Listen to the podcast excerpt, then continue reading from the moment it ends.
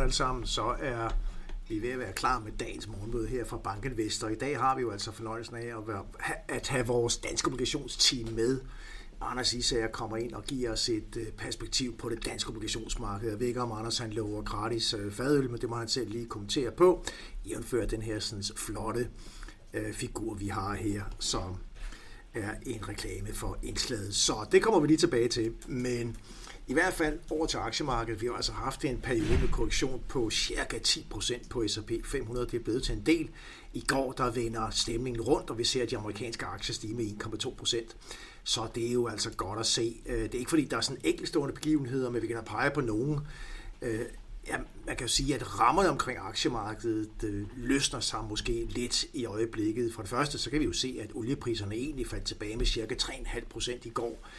Ser vi på WTI, så ligger vi senest med en oliepris på øh, 93, 83 øh, dollar tønden, og det er ned med små 10 dollar tønden for det, vi så her for nylig. Og det virker som om, at øh, oliemarkedets bekymring for, hvad der foregår i Mellemøsten, aftager lidt. Når det er sagt, er det jo helt oplagt, at øh, der stadigvæk er væsentlige risici forbundet med med øh, Israels øh, og Gazas, øh, den krise, der, der pågår på, på nuværende tidspunkt, og spiller overeffekter til resten af regionen. Men oliemarkedet øh, ser i hvert fald lidt faldende oliepriser i øjeblikket.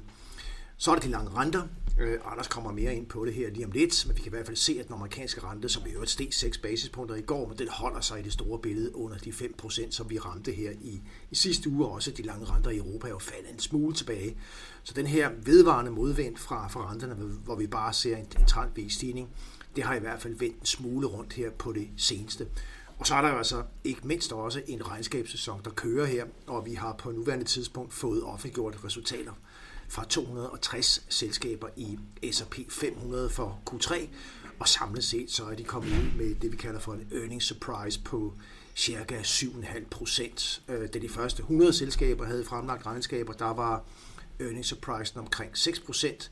Så man kan sige, der er i hvert fald på det seneste været en tendens til, at, at de aggregerede resultater kommer endnu bedre ud end det, som ellers var forventet. Det støtter selvfølgelig også aktiemarkedet. Øh, og så skulle jeg lige hilse fra min gode kollega, øh, som var inde på en graf her i går, Peter Lori, som, øh, som fortalte om det her med korrektion i markedet, og hvad der egentlig har tynget aktiemarkedet ned. Og vi skal bare lige foretage en lille rettelse, således at alt står helt krystalt klart. Det er jo bestemt ikke de store tech-aktier, der har forårsaget hovedparten af, af den her korrektion, vi har været vidne til i afkastmæssige termer.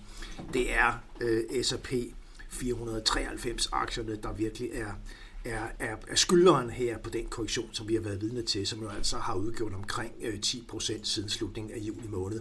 Det er et meget lille negativt bidrag, vi har fået fra The Magnificent Seven.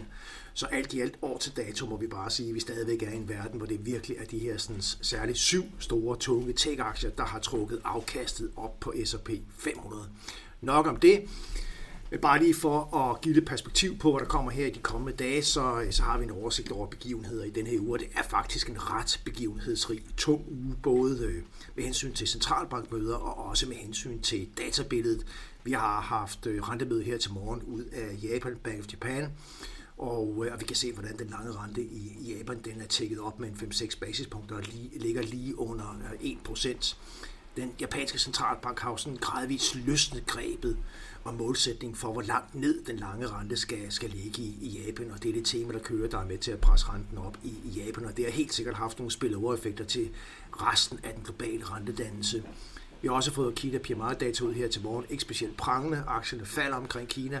Vi har her senere i dag inflationstal ud af euroområdet, virkelig vigtigt. Så får vi i morgen PMI fra en række landes industrier. Vi har ISM-indekset i morgen ud af USA, og så har vi altså ikke mindst Feds rentemøde i morgen, hvor der bestemt ikke er forventning om, at renten skal sættes op. Men der kan godt komme interessante signaler. Torsdag har vi Bank of England, og vi har også Norges Bank. Og fredag, der runder vi altså ugen af med non-farm payrolls fra USA og ISM serviceindekset, så der er masser af inspiration til markedet her i resten af ugen. Vi får se, om den her sådan, spirende optimisme på aktier, den kan fortsætte. I hvert fald kan vi se, at de amerikanske futures er lidt ned her til morgen med 0,2-0,3 procent. DAX ligger faktisk op nu med 0,3 procent. Vi har en rimelig stabil 10-årig rente i USA, 4,88 procent.